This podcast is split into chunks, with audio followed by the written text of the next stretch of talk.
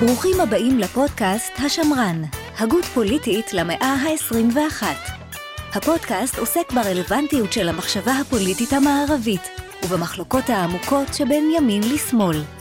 ננסה להבהיר מהי חשיבה פוליטית שמרנית וכיצד היא יכולה לספק תשובות לאתגרים החברתיים, הכלכליים והפוליטיים של דורנו.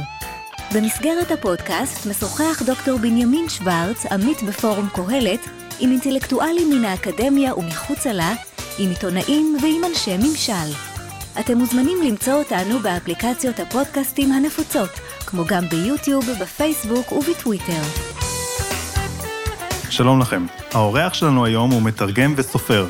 הוא מתרגם ספרים בעיקר מצרפתית, וביניהם הספר סוויט הצרפתית של אירן נמירובסקי, ותרגם ספרים של מחברים גדולים כמו וולטר, אמיל אז'אר, אלבר קאמי ואחרים.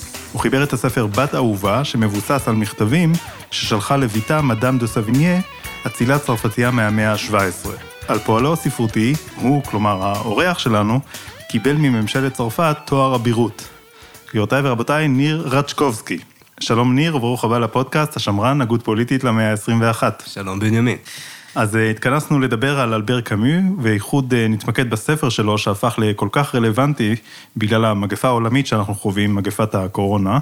הספר הזה שנקרא הדבר, כמו אחת המכות במצרים שגם מוזכרת בספר, או במקור בצרפתית לפסט, אה, הספר הזה הפך להיות מאוד פופולרי ונמכר מחדש בכמויות גדולות בחנויות בכל העולם, אפשר אפילו לומר שהקורונה החזירה את הספר הזה לחיים. לאורך הספר גם אפשר למצוא מושגים שאנחנו למדנו רק בחודשים האחרונים אה, להכיר בצורה כזאת או אחרת, כמו תורים ארוכים לקניית מזון, בידוד, הדבקה, דיכאון, אה, פגיעה של המגפה בעסקי המלונאות והתיירות, דאגה למספר מיטות בבתי חולים, פתיחת בית חולים מאולתר, אה, הבחנה בין בעלי תפקידים שהם חיוניים ולא חיוניים. רדיפה אחר הזמן בפיתוח חיסון לחיידק, ובעיקר מה שהספר מתמקד בו זה סגר על עיר ברגע שהמגפה מכה בה. אחד המשפטים שמצאו חן בעיניי בספר במיוחד, הוא רגע שבו אחת הדמויות בסיפור, אדם בשם טרו, אומר, הדבר יש בו משהו טוב, הוא פוקח את העיניים, הוא מאלץ אותנו לחשוב. ובעיניי זה מה שהופך את הספר הזה למעניין כל כך. היומרה של הסופר לבחון את המחשבות שמתעוררות אצלנו בתקופה כזאת של מגפה, כמו שאנחנו נמצאים בה עכשיו. ובאמת, אנשים רוצים ללמוד דרך הספר הזה של אה, קאמי על מגפת הקורונה ועל ההשלכות של המגפה, על החברה, על תפיסות מוסריות, אולי אפילו דתיות ביחס לקורונה. בישראל ראינו למשל איך עם ההתגברות של הקורונה בריכוזים מסוימים, והתנגדות של חלק מהרבנים להפסקה של לימוד תורה בגלל הקורונה, ראינו איך ההיבט הדתי עולה על פני השטח. הוא מציב שאלות מאוד מעניינות על היחס בין אמונה דתית וגישה מדעית, על היחס בין דת לפוליטיקה, ובכלל על פולמוס בין דתיים ללא דתיים בחברה. כשאני קראתי את הספר הזה, אני תכף אשאל אותך מה אתה מצאת בו באופן, אה, מהו הדבר שמניע אותו, אבל כשאני לפחות קראתי את הספר, ראיתי אותו כניסיון להשיב על שתי שאלות. השאלה הראשונה היא, מה קורה לעיר מודרנית בשעה שהיא פוגשת מגפה? כי הוא מתחיל את הספר בתיאור העיר שהוא מדבר עליה, אורן, כעיר מודרנית, טיפוסית, והוא שואל מה ההשפעה של המגפה על הדינמיקה בתוך העיר המודרנית. במקום מסוים בספר, קמי אומר שהמטרה שלו בחיבור הספר, זה גם משפט שאהבתי מאוד, היא לשמש היסטוריון של הלבבות הקרועים והתובעניים שהדבר נתן בחזם של כל בני עירנו. קאמי מנסה כאן להיות היסטוריון של הלבבות הקרועים של אנשי העיר. הוא מנסה להראות את ההשפעות של המגפה על מגוון היבטים בחיים שלנו, אם זה דת, אהבה, משפחה, אפילו יחסים כלפי הטבע, והוא בודק איך היציבות של החיים שלנו מתערערת כתוצאה מהמגפה. אנחנו נשאל את השאלות האלה היום ונעזר בך כדי להבין קצת יותר טוב את הספר, להכיר אותו גם למאזינים שלנו. והשאלה השנייה שעומדת במרכז הספר היא, בעיניי לפחות, והיא שאלה מאוד חשובה בשביל קאמי, בעיקר אם מסתכלים גם על ספרים אחרים שהוא כתב, למשל כמו האדם המורד, לום רבולטר, רואים שהשאלה הזאת היא חשובה עבורו, והיא כמו מבוא לקראת המושג האבסורד של קאמי, והשאלה היא איך מתמודדים גם זה שמאמין באלוהים, וגם אותו אחד שאינו מאמין באלוהים, שניהם בקונטקסט הנוצרי, איך הם מתמודדים עם המגפה.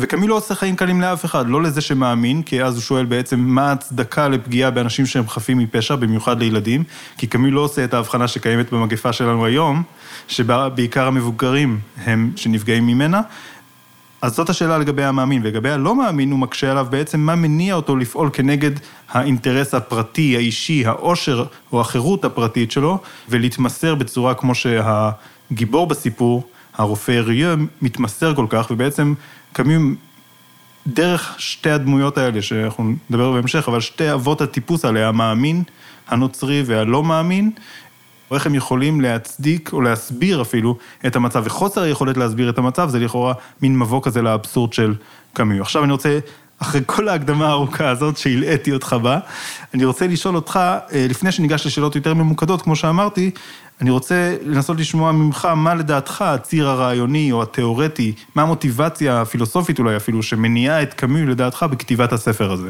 טוב, אז נגעת באמת בהרבה נקודות ככה בהקדמה, ויש המון דברים להגיד על הספר, והוא פועל בהמון מישורים. אז יש קודם כל את המישור של המגפה, וקאמי התעניין באמת בהיסטוריה של מגפות ומגפת הדבר בפרט. אז הוא הלך וקרא על המוות השחור בימי הביניים, ואחר כך על המגפת דבר בלונדון, ועוד מגפות דבר מפורסמות שהיו. כולל איזשהו שני מקרים שבאמת היו באורן, איזה מקרים הרבה יותר קטנים, לא מגפה בסדר הגודל שהוא מספר עליה, אבל היו כל מיני מקרים. Mm. זאת אומרת, מגפת הדבר היא לא רק משהו ששייך לימי הביניים. אפילו בחיפה עוד היה מגפת דבר במאה ה-20, כן? אוקיי. Okay. אז קודם כל הוא התעניין במגפה עצמה וקרא המון על מגפות, וכמו שאתה אומר, יש כאן את המישור הזה של איך עיר מתמודדת עם מגפה. מה זה עושה לעיר, כל הקרנטינה, הסגר, הדברים האלה. מעבר לזה, יש את המישור הפילוסופי, ואצל קאמי תמיד, בכל היצירות שלו, אה, תמיד יש שני מישורים, את המישור, משהו מאוד ארצי, ודווקא מאוד מוחשי, הוא סופר טוב, הוא יודע לתאר אה, בצורה אה, שאתה יכול להרגיש, לראות, להריח את הדברים. ומצד שני, יש תמיד את המישור המטאפורי. הוא בעצם מדבר איתנו על משהו הרבה יותר רחב, על משהו אחר, על משהו קיומי. וכאן מה שיש לנו מעבר למגפה, זה איזשהו כוח ש... מכריח את האנשים להתמודד פתאום עם עובדת היותם בני מוות. זאת אומרת, איזשהו אה, כוח שמהיום למחר עושה אותם מאנשים שאננים שדואגים למסחר שלהם, לאהבה שלהם, לחיים הקטנים שלהם, פתאום מונחת החרב על צווארם. ועל צווארם של כולם ובאקראי, כן? כמו שאמרת, זה בניגוד לקורונה, זה לא רק הזקנים, זה לא רק המבוגרים, זה לא... או לא רק הילדים, זה, זה יכול להיות, לקרות לכולם, וזה קורה שם לכולם. אי אפשר לדעת מי יחלה ומי ימות. זה לגמרי באקראי.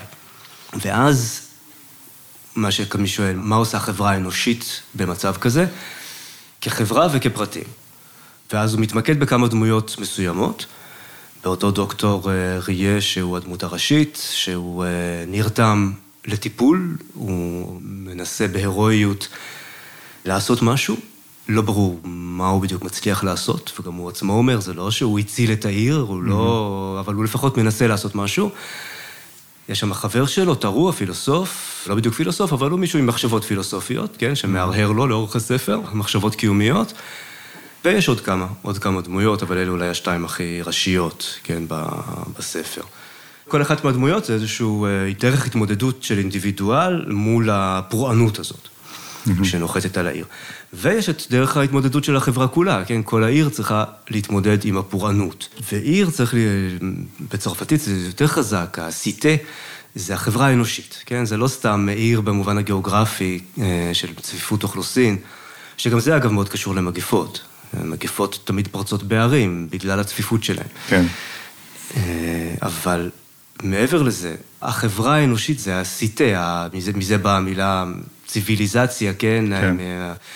איך התרבות האנושית, הציוויליזציה האנושית, אה, מתארגנת בכזה מצב של פורענות. אז זאת אומרת, בשבילו העיר הזאת, הסיטה הזאת שקוראים לה אורון, זה ממש אב טיפוס למחשבה על איך הקטסטרופה פוגשת את השגרה המודרנית. את השגרה המודרנית, ו- וכל חברה אנושית מסודרת, כן? זו חברה אנושית מסודרת. יש חוק, יש סדר, יש משפט, אה, יש אה, מעמדות וכולי. ומה קורה לחברה המודרנית הזאת, כן, בכזאת סיטואציה. עכשיו, מעבר לזה גם יש שוב עוד, עוד רובד, ורובד שאי אפשר להתעלם ממנו בספר הזה, זה מתי הוא כותב את הספר, הוא כותב אותו ב-47, אחרי מלחמת העולם השנייה. קאמי שהיה מעורב במלחמת העולם השנייה, הוא היה ברזיסטנס, הוא היה, פעיל. כן. ואין ספק שיש בספר הזה איזשהו גוון של התייחסות לנאציזם. זאת אומרת, הנאציזם שב... אבל רק באופן מרומז, כדי שהמאזינים לא, ידעו שאפילו פעם אחת לא מוזכר. לא, לא, בוודאי שלא מוזכר, ואפילו באופן מרומז זה הכל פרשנות, נכון. ופרשנות שהוא מאוד נזהר מלאמץ אותה. אבל לא- גם לא דחה אותה. הוא גם לא דחה אותה, ואין ספק שהיא באיזשהו מקום שם, ההתייחסות לנאציזם אה, בצרפתית, אה, בתקופה ההיא, כשדיברו על הנאצים, דיברו על הפסט ברוין, המגפה החומה, ופה זה הפסט, כן? הדבר זה גם כן פסט. אז זה, אין ספק שהוא מתייחס לפסט ההוא, גם למגפה הזאת שבאמת, כאילו, כמו שבספר, מכמה חולדות מתות בהתחלה, ולאט לאט, ופתאום אי אפשר לעצור את זה, ואותו דבר... הנאציזם שבהם איזה כמה דברים, ואיזה משהו שבהתחלה צוחקים עליו, ואז מוצאים לו איזה שהם הסברים רציונליים, ואז איזשהו זה, ואז אתה, פתאום כל החברה המודרנית, התרבותית, מוצאת את עצמה בסיטואציה לא תרבותית, שהיא מאוימת במוות, אה, והמוות יכול לנחות על כל אחד, ולקח לאנשים, במיוחד בצרפת, לקח לאנשים כמה שנים טובות להתארגן מול הדבר הזה. האם מתנגדים, האם לא מתנגדים, האם משתפים פעולה איתו, האם אה, כל אחד לעצמו. וזה השאלות שהרומן הזה מדבר עליהן גם. אגב, בתור מתרגם, אני רוצה לשאול אותך ככה מחשבה שעלתה לי. אני חושב שאם הספר, הכותרת של הספר תורגמה להדבר, זה פשוט בגלל שהמכת הדבר במצרים מוזכרת בתוך הסיפור. אם היא לא הייתה מוזכרת, אני מניח שהיו מתרגמים למילה יותר פופולרית בעברית, נגיד מגפה. זה באמת בעיה בתרגום, זה לא שזה לא מתורגם נכון, אני גם הייתי מתרגם לדבר. מהסיבה כי- הזאת או מסיבה לא, אחרת? לא, מהסיבה שה peste אה, זה גם וגם. peste זה גם מגפה בכלל, אבל זה בפרט דבר. כשמדברים על ה peste, ברור שמדברים על דבר, Mm. אלא אם כן אומרים peste של משהו אחר. אותו דבר באנגלית, זה plague. plague זה גם, זה המילה הכללית, אבל זה ספציפי דבר, ופה כן מדבר על הדבר. טוב, אז קיבלנו את האישור שלך כן, כן, לכותרת. בוא ניגש לסיפור עצמו, במיוחד אה, כדי לתת למאזינים שלא קראו את הספר קצת, לקבל יותר מושג על הספר. אז הסיפור, כמו שאמרת, מתחיל עם סימנים ראשונים של מגפה, חולדות מתות שמוצאים בכל מקום. בהתחלה יש חולדה אחת שמופיעה ב-16 באפריל, וככה אנחנו מתקדמים גם לאורך הספר עם התאריכים, אפשר ממש לראות כמה חודשים, זה אני חושב משהו כמו עשרה חודשים. כן, כמעט שנה. והוא אומר שזה באחת משנות ה-40, הוא לא אומר באיזו שנה, ופתאום מופיעה חולדה מתה, ומשם זה מתפתח להרבה חולדות מתות, ואנשים מתחילים לחלות. והראשון לזהות, לומר שמדובר במגפה, הוא האב פנלו, שהוא הדמות הנוצרית האדוקה, המנהיג הדתי של המקום, וקמי אומר עליו שהוא אה, מלומד אה, לוחמני, והרופא ריו, שהזכרנו, הדמות הראשית בסיפור, הוא שואל את דעתו של פנלו על החולדות. פנלו הוא הראשון לומר שזו בוודאי מגפה. מהמם. לא סתם מגפה, הוא שוב, הוא אומר פסט, והוא אומר זה דבר במובן התנ"כי. כן, זאת אומרת, זה כן. במובן של עונש משמיים. כן, ואחר כך יש שוער אחד שחושב שהחולדות הן סימן לאסון שיבוא, הוא חושב שמדובר ברעידת אדמה, וככה לאט לאט אנחנו מתקדמים לקראת ההבנה שמדובר במגפה, אבל קאמי נראה לי כאילו הוא מעביר ביקורת על זה שאנשים מבחינה פסיכולוגית מנעו מעצמם לראות שהדבר הזה מגיע, ויש משפט נהדר שלו שאומר, מגפות הן דבר נפוץ, אבל כשהן ניחתות על ראשך אתה מתקשה להאמין בהן. והוא מיד מנתח את הפסיכולוגיה האנושית שלא מוכנה לראות את הסכנה. הוא מדבר במיוחד בזלזול על ההומניסטים ועל הגאווה ועל החירות אה, שבהם הם דוגלים. ואחר כך גם בדרשה של פנלו יש מין הוכחה כזאת שהוא אומר אה, שמכת אלוהים מפילה לרגליו את הגאוותנים ואת העיוורים. איך אתה מבין את הנקודה הזאת, את הביקורת של קאמי על ההומניסטים ועל חוסר היכולת שלהם לראות את הסכנה? אני לא יודע אם דווקא ספציפית על ההומניסטים, ואני גם אפילו לא בטוח שבדיוק ביקורת כמו תיאור מצב, זה, זה המצב האנושי. אני חושב שקאמי פה לא מתנשא דווקא עליהם ואומר, טוב, הייתם צריכים להבין את זה מראש, אף אחד לא יכול לדעת כזה דבר מראש. אני חושב שראינו את זה מצוין גם בקורונה עכשיו. אי אפשר לדעת כזה דבר מראש. אתה בהתחלה שומע על איזה כמה מקרים בסין, ואתה אומר, טוב, זה שוב פעם איזשהו סארס כזה, כבר היינו שם אה, הרבה פעמים. זה, זה, זה לא... מה, מישהו מאיתנו באמת חשב שצריך להתחיל להיכנס לסגר ולסגור את המדינה. אז אה, אותו דבר, זה המצב האנושי הוא קודם כל, לא לחשוב על הקטסטרופה הגרועה ביותר. קודם כל לנסות למצוא הסברים רציונליים, ואז יש באמת, כמו שאמרת, את השוער של הבניין, המיסיה מישל הזה. שקודם כל מוצא איזה הסבר רציונלי, החולדות, אה, יש איזה רעידת אדמה, או הן רעבות, או משהו כזה, ואז הן יוצאות החוצה. יש עוד איזה זקן ששם נותן איזה הסבר כזה, יש... אה, יש את ה- את ראשי העיר, שלא ש- מוכנים בכלל... אה, לא, הם, כבר, הם זה כבר בשלב שכבר כן ברור שיש שם איזה משהו והם לא רוצים לגרום לפאניקה. כן. אה, ויש את האב פנלו הזה שנותן את ההסבר הדתי. בשבילו לכל דבר יש סיבה ותכלית שבאים מ- מלמעלה. אה, ואז גם דבר כזה, הוא מהחולדה הראשונה אומר, טוב, יש פה מגיפה תנכית, לא סתם. אבל זה המצב, זאת אומרת, גם ראייה בהתחלה לא ישר אומר דבר. הוא כן, אחרי שהוא רואה מספיק תסמינים, רואה מספיק מקרים, בוחן מספיק פציינטים, הוא מתישהו אומר, טוב, אנחנו צריכים להכיר בעובדות. ואז מבינים שזה דבר, ומתישהו כולם נאלצים להכיר בעובדות. אבל זה התהליך. התהליך הוא שאנחנו, אם שוב, אם ניקח את זה למישור הקיומי, אנחנו לא יכולים לחיות כל הזמן מתוך מחשבה על המוות, אנחנו חיים מתוך מחשבה על החיים. אנחנו יודעים שמתישהו נמות, אבל אנחנו לא יכולים לחשוב על זה כל הזמן.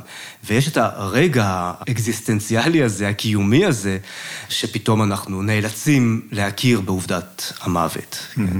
אז מושג נוסף שרציתי לשאול אותך עליו, זה מושג שהוא משתמש בו, שהוא גלות. הוא מסביר, אני מצטט, אחת התוצאות הבולטות ביותר של סגירת השערים הייתה הניתוק הפתאומי שנקלעו אליו אנשים שלא היו מוכנים לכך, אמהות וילדים, בני זוג, נאהבים, שימים אחדים קודם לכן סברו שהם נפרדים פרידה זמנית. הם מצאו את עצמם פתאום רחוקים זה מזה ללא תקנה ואין בידם להתאחד ואף לא לבוא בדברים זה עם זה.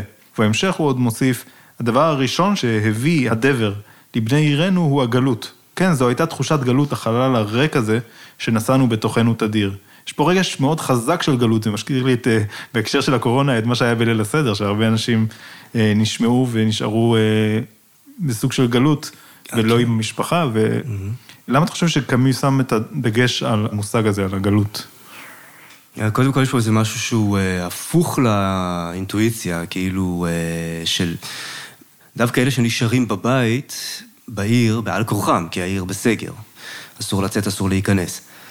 וכמו שממש, אפרופו קורונה, באמת כמו שהיה בווהאן, בסין, לא כמו שהיה פה. ממש אה, מצב כזה שהצבא מכתר את העיר ואין נכנס ואין יוצא. במשך עשרה חודשים שם, כן, ב... אצל קאמי. לא, לא שבוע. וגם המוות שם הוא בהיקפים הרבה יותר גדולים. והמוות הוא בהיקף שבסופו של דבר מחסל חצי מהעיר, כמו שהיה בדבר השחור נגיד, כן? בתקופה במאה ה-14, בדבר השחור, אז באמת כן. ערים שחצי מהאוכלוסייה שלהם נכחד. אז אה, זה משהו אחר. אנשים בכל זאת נשארים בבתים שלהם ובכל זאת מרגישים גלות. אז קודם כל יש את מה שאנחנו הרגשנו, אני חושב גם בקורונה, את הפרידה מיקירינו. זאת אומרת, אנחנו לא יכולים לראות את סבא וסבתא שגרים בעיר אחרת, אנשים שבכלל אהוביהם נמצאים מעבר לים, כל מיני אנשים שנתקעו בחו"ל ו- ולא יכלו לחזור פתאום אה, וכולי, אז נכון. זה באמת הגלות במובן הפרוזאי הזה, עניין של אה, ריחוק. אבל בעיקרון, אה, זאת היסטורית, דווקא הגלות זה המקום שהוא מחוץ לעיר. תושבי העיר מוציאים לגלות את הפושעים. נכון. הם, הם נזרקים מחוץ לחומות העיר. ופה דווקא מי שבתוך חומות העיר הוא הגולה. באמצעות המטאפורה הוא מצליח להסביר לנו עד כמה הסיטואציה היא, היא קיצונית, היא חריפה, זאת אומרת, דווקא ברגע שבו אתה נמצא במקום שלך כל כך מקורקע, דווקא אז אתה בגלות הכי גדולה. זהו, אתה בגלות ממה? אז חלק אתה מגלות באמת מיקיריך, כמו פה, כן? למשל הרופא ראייה הזה, אשתו, עוד לפני הדבר, יצאה לטיפול, יש לה שחפת, יצאה לטיפול במקום אחר, וזהו, הם לא התראו יותר. נכון. אבל מעבר לזה יש את הגלות הקיומית, את הגלות הזאת של אה, אנחנו, שגם אני חושב שבאיזשהו מקום אנחנו חשנו, בשיא הקורונה, קצת חשנו אותה, את הגלות הזאת מעולם החיים, כן? את ה... זה שהיה איזשהו עולם שכולנו היינו חיים בו, ופתאום הוגלנו ממנו לאיזו מציאות אה, הזויה ו... וסיוטית ומפחידה, כן. ואנחנו לא, כבר לא בחיים שלנו יותר. מעבר לזה, אצל קאמי המילה גלות יש לה משמעות אה, חזקה, יש ספר שלו ש... שגם יצא לי לתרגם, שנקרא לגזיל אל היום, הגלות והמלכות. על מה הוא מדבר שם? אז שם זה סיפורים קצרים, זה לא ספר אחיד כל כך. אה, זה סיפורים קצרים שמדברים על אה, כל מיני תמות, אה, אבל ביניהם תמת המלכות. מה זה המלכות? זה דווקא יותר ברור, זה מלכות השמיים. זאת אומרת, יש איזשהו, את המלכות השמיים הנוצרית, כן, של העולם הבא, העולם האידיאלי, העולם שאנחנו כבני אדם הוגלנו ממנו. כן, נפלנו ממנו ומאיזשהו עושר ראשוני, ובחטא הקדמון אנחנו נפלנו והוגלנו מהעולם הזה. מהעולם המושלם לעולם הפגום הזה. ביהדות זה הרבה פחות אה, מובהק, כן, ההבדלים האלה, אבל, אה, אבל גם ביהדות יש לנו בכל זאת, את, כן, את ה... איזושהי שלמות ראשונית ואת עולם הכלים השבורים שאנחנו חיים בו, בו כאן, כן? אה, ואנחנו הוגלנו אליו, כן? זו התפיסה הזו שאנחנו גולים מה, מהעולם. ואז הגלות זה המצב הזה של האדם שהוא הורחק מהאושר האלוהי, מהשלמות האלוהית. אנחנו לא נמצאים בעולם שבו יש שלמות, שבו יש אידיאלים, אה, מוסר, מוחלטים, אלא אנחנו בעולם פגום מיסודו, אה, ועולם אנושי מיסודו. וסביב זה אולי כל היצירה של קאמי, כן, היא סביב זה שאנחנו חיים בעולם שגלה מה... מהחסד האלוהי. כן.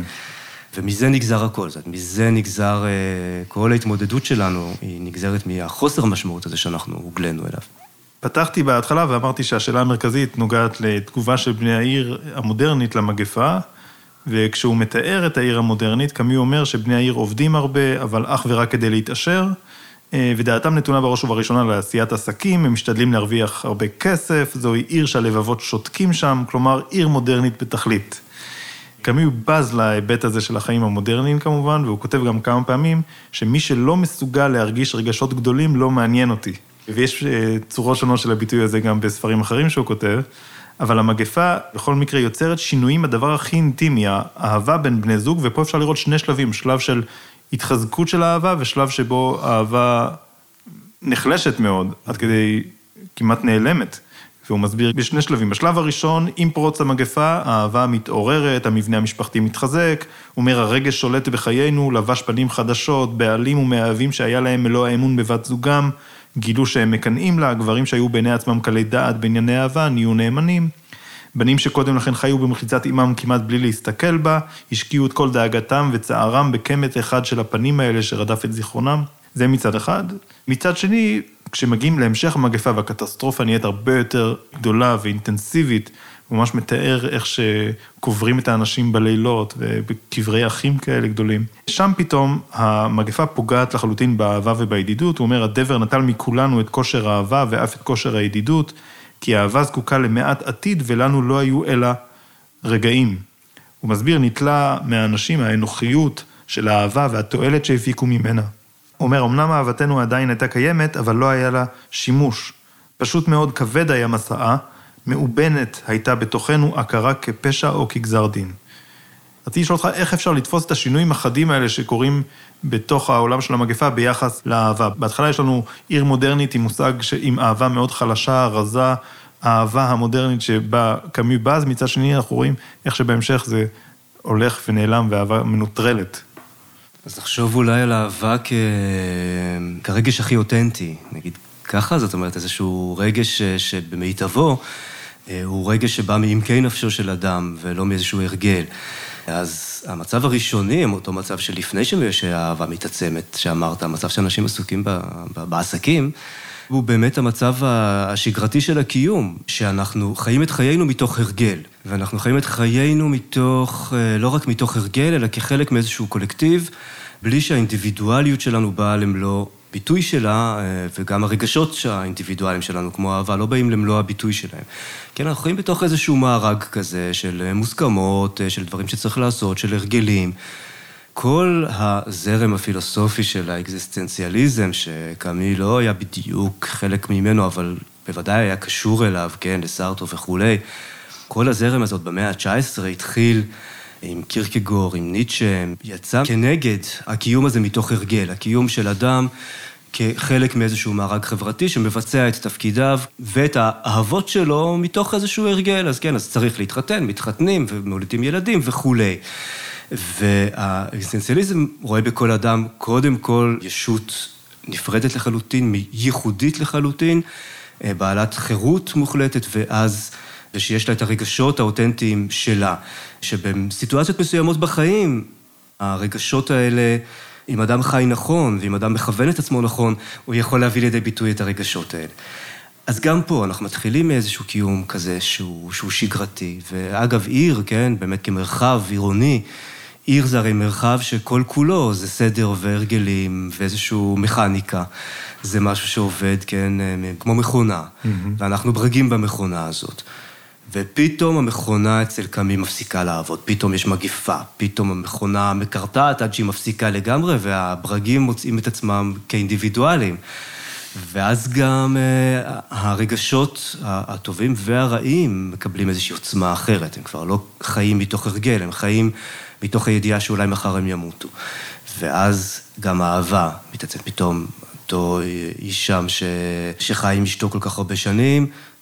פתאום הוא מבין שהוא לא יכול בלעדיה. קסטל, קסטל, כן. הרופ... זה, זה עוד רופא, נכון, נכון. זה הרופא הוא, ה... הוא מפתח את החיסון. הוא בסוף מפתח איזשהו נסיוב כזה, כן, אה, ש... שלקראת הסוף איך שהוא עובד. אז הוא פתאום מבין, מבין פתאום שהוא אוהב את אשתו, הוא לא יכול בלעדיה. עד עכשיו היה מתוך הרגל, הופך לרגש אותנטי. יש שם דמות אחרת שהיא אפילו חצי קומית, כן, ככל שקמי יכול להיות קומי. הדמות הזאת של אה, גרנט, של הפקיד עירייה, שכל הזמן עסוק בלנסות לכתוב מכתב לאשתו שעזבה אותו ולא מוצא את המילים המתאימות.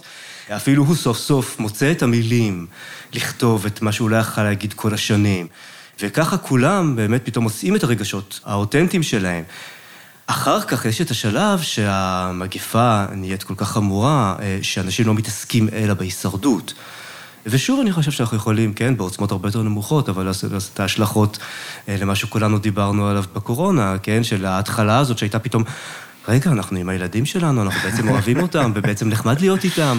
אפשר להכין להם אוכל. אפשר, אה, כן, אנחנו, משהו שנהיה תא משפחתי, משהו שנהיה פתאום הרבה הרבה יותר אינדיבידואלי, עד שאחרי כמה שבועות של התעסקות בהישרדות, הרגשות האלה שוב יטשטשו, ואתה כבר עסוק שוב פעם באיזשהו סוג חדש של שגרה. זה שוב פעם, זה פשוט הופך להיות שגרה אחרת, כן? כן. טוב, אז מתי בתי ספר ייפתחו, ודברים כאלה. כן, שגרה דוחקת כזאת. כן.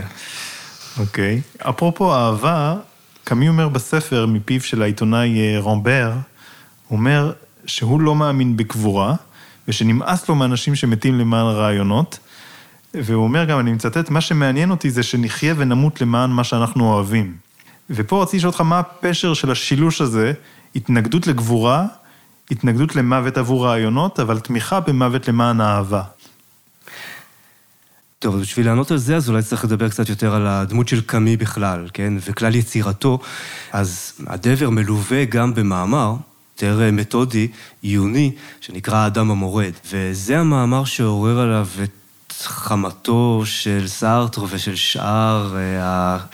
הקבוצה שסביבו. הקבוצה שסביבו, בגלל הדחייה שקאמי דחה את הקומוניזם הסטליניסטי.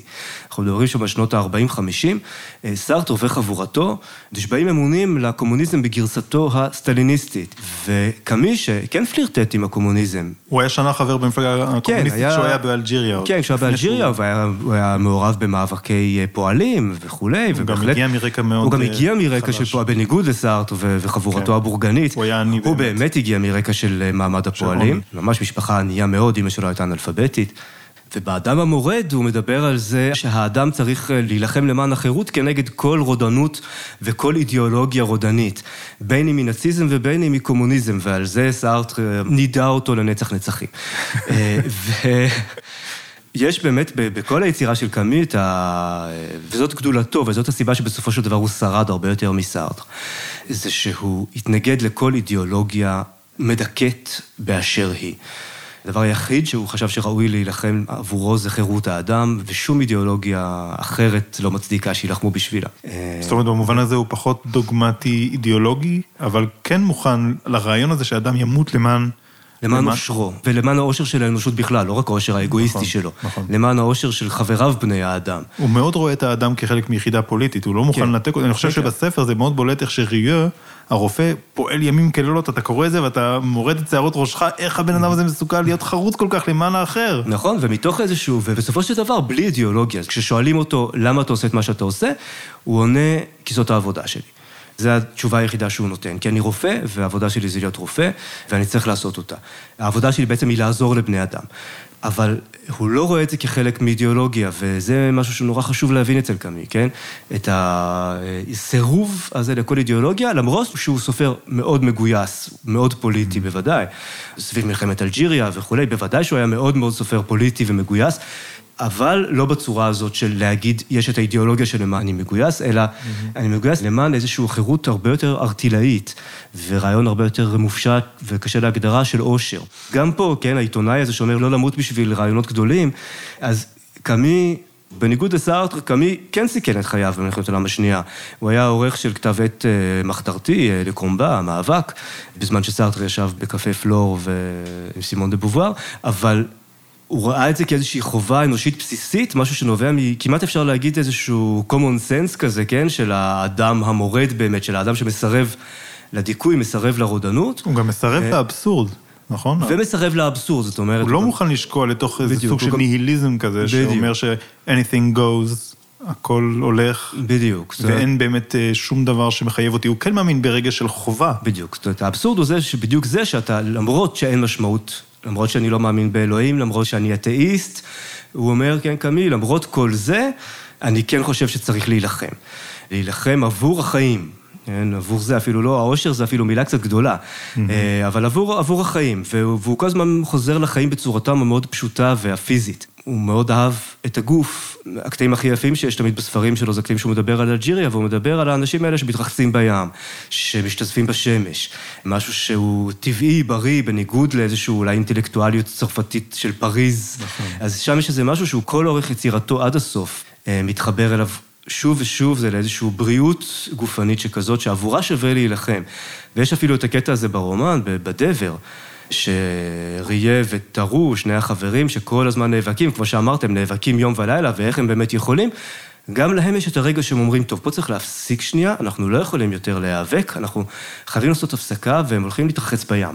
נכון, נכון. הם, אה, ו- ויוצאים מהעיר ושוחים. נכון. ושוחים, קצת שוחים בים, וזה הרגע אצל קמי שהוא מאוד מאוד משמעותי, זה לא סתם, זה לא איזה משהו בצד הדברים. זה הדבר ששווה להילחם בשבילו. זה, בשביל זה אנחנו נאבקים. וזה מה שעושה אותנו לבני אדם, וזה הסירוב לאבסורד, זאת הסיבה לא להתאבד מול כל הדברים האלה.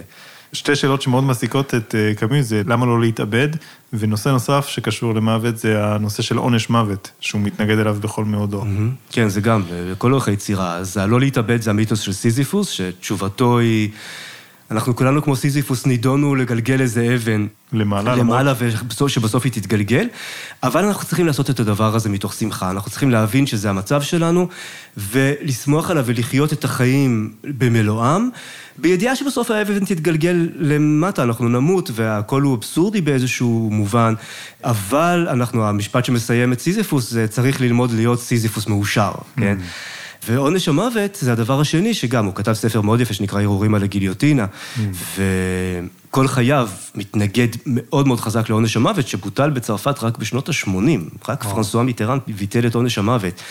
וזה משהו שהוא היה מתנגד נחרץ אליו מההתחלה ועד הסוף, אה, והיה מהתורמים הגדולים לביטולו, של לאף אחד אין זכות לרצוח, לאף אחד, גם לא למדינה, אין זכות לרצוח מישהו. זאת אומרת, החיים, זה, זה הדבר הגדול, זאת אומרת, שום באמת אידיאולוגיה, שום מוסר לא מצדיק את זה שהמדינה תרצח בן אדם. כן. עכשיו אני מגיע לשאלה האחרונה שלנו.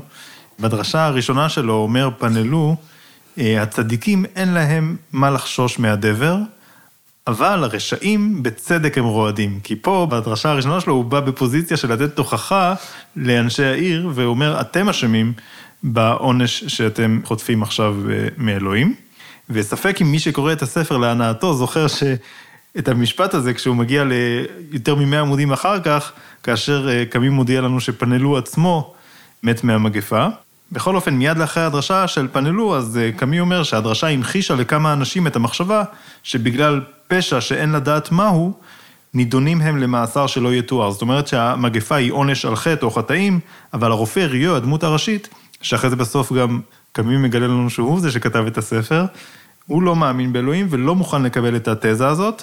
הוא אפילו אומר, חייתי יותר מדי בבתי חולים משאוכל לצדד ברעיון של ענישה קיבוצית. זאת אומרת, יש פה ביקורת על הגישה הנוצרית של פנלו, אבל מצד שני, אדם בשם טרו שואל את ריו את הביקורת שיש על האדם הלא מאמין, שעם זה התחלתי מקודם, כשאמרתי שיש ביקורת על שני הצדדים, והביקורת היא, למה אתה עצמך, שלא מאמין באלוהים, מגלה מסירות כזאת? זאת אומרת, מה המקור של החובה שלך לחברה? התחלנו לנגוע בזה עכשיו, אבל לפחות בשלב הזה של הספר, כאשר הוא שואל אותו את זה, והוא נותן לו מין תשובות שבעיניי הן תשובות מתחמקות ראשוניות, עדיין בשלב הזה בכל מקרה לא ברור מה התשובה של הרופא, מה באמת התשובה שלו, מהו הדבר שמניע אותו, מהו הדבר שמחייב אותו לעבוד בצורה סיזיפית למען, ממש בשפה דתית הייתי אומר, מוסר את נפשו למען העיר, מסכן את עצמו בצורה מוחלטת, וזה נס לא מובן ולא מוזכר, אבל זה פשוט נס שהוא לא, לא נדבק ולא חלה ולא, ולא שום דבר. כן, הוא נשאר בשביל לספר. אז קודם כל, אבל באמת נדבר על הדמות של פנלו, שהתחלת ממנה בשאלה הזאת, כן? של... אה, תמיד יש את האפשרות הדתית, או, או כל אפשרות טרנסצנדנטית כזאת, זאת אומרת, כל אפשרות שאומרת שיש איזושהי משמעות אה, שבה, שהיא מעבר לנו, והיא זאת שנותנת תוקף מוסרי לפעולות שלנו. זה גם יכול להיות אה, קומוניזם, שגם הוא דת, כן, אה, סוג של. זה יכול להיות מסורת דתית כמובן. וכמובן מסורת דתית. אז פאנלו מייצג את הדבר הזה של, לפי התפיסה שלו, להכל יש משמעות. המגפה היא עונש. ובני האדם אחר כך צריכים לעשות ככה ואחרת בשביל שהעונש יוסר מעליהם. חשוב גם לציין שפנלו עובד מאוד קשה בבית החולים. אה, כן, הוא לא כדי צבוע. כדי לעזור, והוא גם נפטר בסופו של דבר כתוצאה מהעבודה שלו. זה, זה תכף אה, נראה איך הוא נפטר, אבל זה כן חשוב להגיד שהוא לא איש דת אה, צבוע, וקמי לא עושה ממנו צחוק. נכון. הוא לא, הוא לא אומר, טוב, זה אחד שרק מדבר ולא מאמין במה שהוא אומר. פנלו נכון. באמת מאמין במה שהוא אומר, והוא מוכן באמת להקריב את עצמו בשביל שאר בני האדם ממניעים דתיים. אבל קאמי אומר, ומאוד ברור, ותמיד, וגם הוא אמר את זה בראיונות איתו סביב פרס נובל וכולי, שאין מה לעשות, הוא היה אולי שמח להאמין, אבל הוא לא מאמין. זאת אומרת, הוא, מבחינתו זאת לא אופציה בכלל. מבחינתו אין משמעות כזאת בעולם, העולם ריק ממשמעות מוחלטת. יש רק את המשמעות שאנחנו כבני אדם נותנים, ואין מעבר לזה אה, שום דבר. אחר כך יש את הרגע שפנלו מתערער, זה הרגע שיש ילד שמת מהמחלה. והמוות של הילד מתואר בצורה מאוד... פרטנית. פרטנית ויבשה, ודווקא בגלל שהיא יבשה, היא מזעזעת אותנו עוד הרבה יותר. כן. אה, שאנחנו באמת רגע אחרי רגע נמצאים שם ליד ערש הדווי של הילד הזה, וגם פנלו נמצא ליד ערש הדווי שלו, ובאיזשהו שלב ריה צועק על פנלו, הוא רק ילד, לא הגיע לו למות. הוא בוודאי לא עשה שום דבר שראוי לו להיענש עליו. הילדים, ושוב, אנחנו באמונה הנוצרית, ילדים נולדים תמימים, הם עדיין לא בחטא הקדמון. הוא, אולי לנו אנחנו יכולים להיענש, אבל הוא לא. ואז זה הרגע שפנדלו מתערער, זה הרגע שפנדלו, אחר כך הוא נושא עוד דרשה, כן? הייתה הדרשה הראשונה שהייתה מאוד קלאסית, פשוטה, אתם חטאתם ועכשיו אתם מקבלים את העונש שלכם, והדרשה השנייה היא כבר אחרת לגמרי. הדרשה השנייה, הוא כבר מדבר על זה שכולנו בני אדם, ושאנחנו לא יכולים לדעת במי זה יכה. אה, ואכן זה מכה גם בו. והוא גם משאיר סימן שאלה, פתאום כבר התשובות הן לא ברורות שמדובר בעונש על חטאים. הוא אומר שבכל מקרה הוא חייב להצדיק את המגפה, הוא לא יכול להגיד שזה mm-hmm. דבר שאינו צודק, אבל הוא משאיר פתאום סימן שאלה בשאלה איך הצדק פה נוצר, מהו התהליך של הצדק האלוהי הזה, הטרנסצנדנטי. נכון, נכון. ופה הוא אולי נהיה קצת יהודי בסוף, שהוא, אה, שאנחנו, דרכי האל נסתרות, וזה לא מניעים פשוטים, זה לא שכר ועונש במובן הפשוט הזה. אה, יכול להיות שיש שם איזה שהם מניעים אלוהים, אבל אנחנו, הם נסתרים מעינינו. אבל בכל מקרה, זה באמת מערער אותו, ובסופו של דבר הוא בעצמו גם כן מת. ומעניין שהוא מת בסוף ממשהו שהתסמינים שלו הם טיפה שונים, ובסופו של דבר, ברשימות האלה ובטבלאות שראייה וטרו עושים, הם מסווגים אותו בתור מקרה בספק. לא ברור אם הוא אכן מת מהדבר או ממשהו אחר. Mm. אבל כן, זאת אומרת, הוא דמות ברורה שגם מציב בתור מן האופציה. אמונית להתמודד עם הדבר הזה ופסילתה. ואז אנחנו נשארים עם המניעים של ריה, למה ריה עושה את מה שהוא עושה. אז אמרנו באמת אה, מתוך איזשהו סירוב, כן, לאבסורד, ומילה שאולי חשוב מאוד להגיד בהקשר של אלבר קאמי, מתוך סולידריות. מתוך תחושה של אחווה עם שאר בני האדם. אה, נכון שכל אחד מאיתנו ייחודי, אבל כולנו בני אדם. והסבל של אנשים אחרים כן נוגע לנו. ואנחנו כן צריכים להיאבק להקלת סבלם של אחרים, ובעצם זה מה שהוא עושה. הוא לא מעביר את המגפה, אריה, הוא לא מרפא את העיר. כל מה שהוא עושה זה קצת להקל על סבלם. הוא מנסה לעשות את מה שצריך, את כל האמצעים שברשותו, ובעיקר הוא מקל על סבלם של האנשים. הוא מייצג פה איזשהו פן אנושי. וזה פן מאוד מאוד אנושי, פשוט וסולידרי. גם כן מאותו גלות ומלכות, אותו ספר, יש שם סיפור מאוד יפה שנקרא ז'ונס, שזה בצרפתית יונה, יונה הנביא, שגם כן נקרא לאיזושהי שליחות אה, ומסרב אליה, mm. והוא רוצה לדאוג רק לעצמו. ובסופו של דבר אין ברירה, הוא חייב לדאוג לכלל האנושות. יונה הנביא. וגם אצל אה, קאמי, הסיפור הזה, ז'ונס, נגמר בזה שיש שם איזושהי מילה שכתובה על נייר, אבל היא כתובה קצת מטושטש, ולא ברור אם כתוב שם solitaire או solidaire, זאת אומרת, אה. סוליטרי או סולידרי. בודד או... או זה, אני תרגמתי את זה, בשביל שהייתי צריך אות אחת הבדל, אז עשיתי את זה בדידות או ידידות. אה, יפה. אבל... אבל זה יותר טוב במקור. זה הקונפליקט, סוליטריות או סולידריות. האם כל אחד מאיתנו mm-hmm. הוא באמת אותו יצור בועתי, ייחודי, שדואג לעצמו ושנולד ומת, או שאנחנו כן, יש לנו איזושהי סולידריות, וראייה באופן לגמרי אינסטינקטיבי מכריע למען הסולידריות. והוא אומר את זה פשוט כי... כאמור, כי זה המקצוע שלו, זה הרופא, ושוב, בקורונה, אנחנו ראינו את זה עכשיו הרבה, אתה אומר, סיכן את חייו, וכן, זה את הדבר הזה של צוותים רפואיים, למה הם עושים את מה שהם עושים? נכון. למה הם מסכנים את עצמם כל כך? בכל הם, העולם.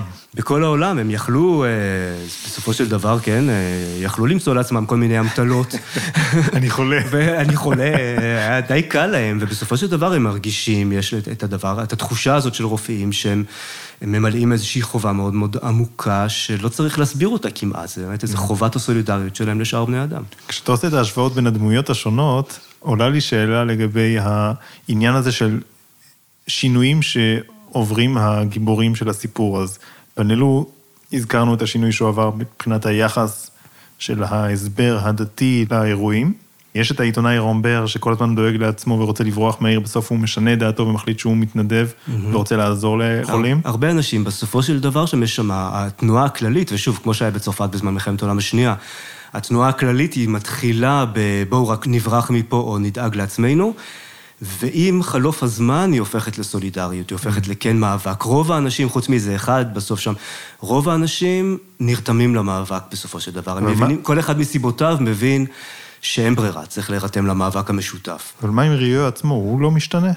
דווקא הגיבור הראשי לא משתנה? ריו הוא מאוד חידתית כזאת שם, הוא כאילו, הוא מתחיל הרי בתור בכלל, כמעט כל הספר הוא מין גוף שלישי, ואז בסוף, בעמוד האחרון, נסתבר לנו שבעצם הוא אולי כתב את כל הספר הזה, למרות שגם זה קצת לא... לא עד הסוף. לא ברור? זה ברור ולא ברור, הוא אומר... במקום לחגוג עם כולם את הסוף של המגפה, הוא הלך וכתב את הסיפור הזה שאת סופו אתם קוראים כאן. Mm. אבל האם זה באמת הוא שכותב את הסיפור הזה? זה, זה תמיד שאלה, ככה בספרות צריך להיזהר, כן? זה... אוקיי. Okay. מי זה שבאמת כותב את הסיפור? זה גם, זה גם לא בדיוק אלבר קאמי שכותב את הסיפור, זה תמיד איזה מישהו באמצע, איזה mm. מספר כזה שהוא... מישהו בין אלבר קאמי לראייה, שהוא זה שכותב את הסיפור. יש, אז, אז אתה מסכים עם התחושה שבעצם אין לנו גישה ל... למחשבות שלו בצורה מאוד מורכבת ושקופה? בוא נגיד, הוא הכי קרוב מכולם, הוא והשני טרו, הם הכי קרובים מכולם לאיזושהי תודעה של אלבר קאמי אולי, כן? כן. למחשבות של קאמי עצמו, אבל הם לא קאמי עצמו, mm. והם בני אדם, הם בני אדם עם חולשות, עם אה, ספקות, כמו שקאמי היה, זה מה שהפך אותו לכל כך מעניין, כאמור, כן? באמת ל... באמת הסופר שלא נס לאכול, בניגוד לאחרים. מה התכוונת שאמרת קודם שבניגוד לסארטר, אלבר קאמי נשאר הרבה יותר?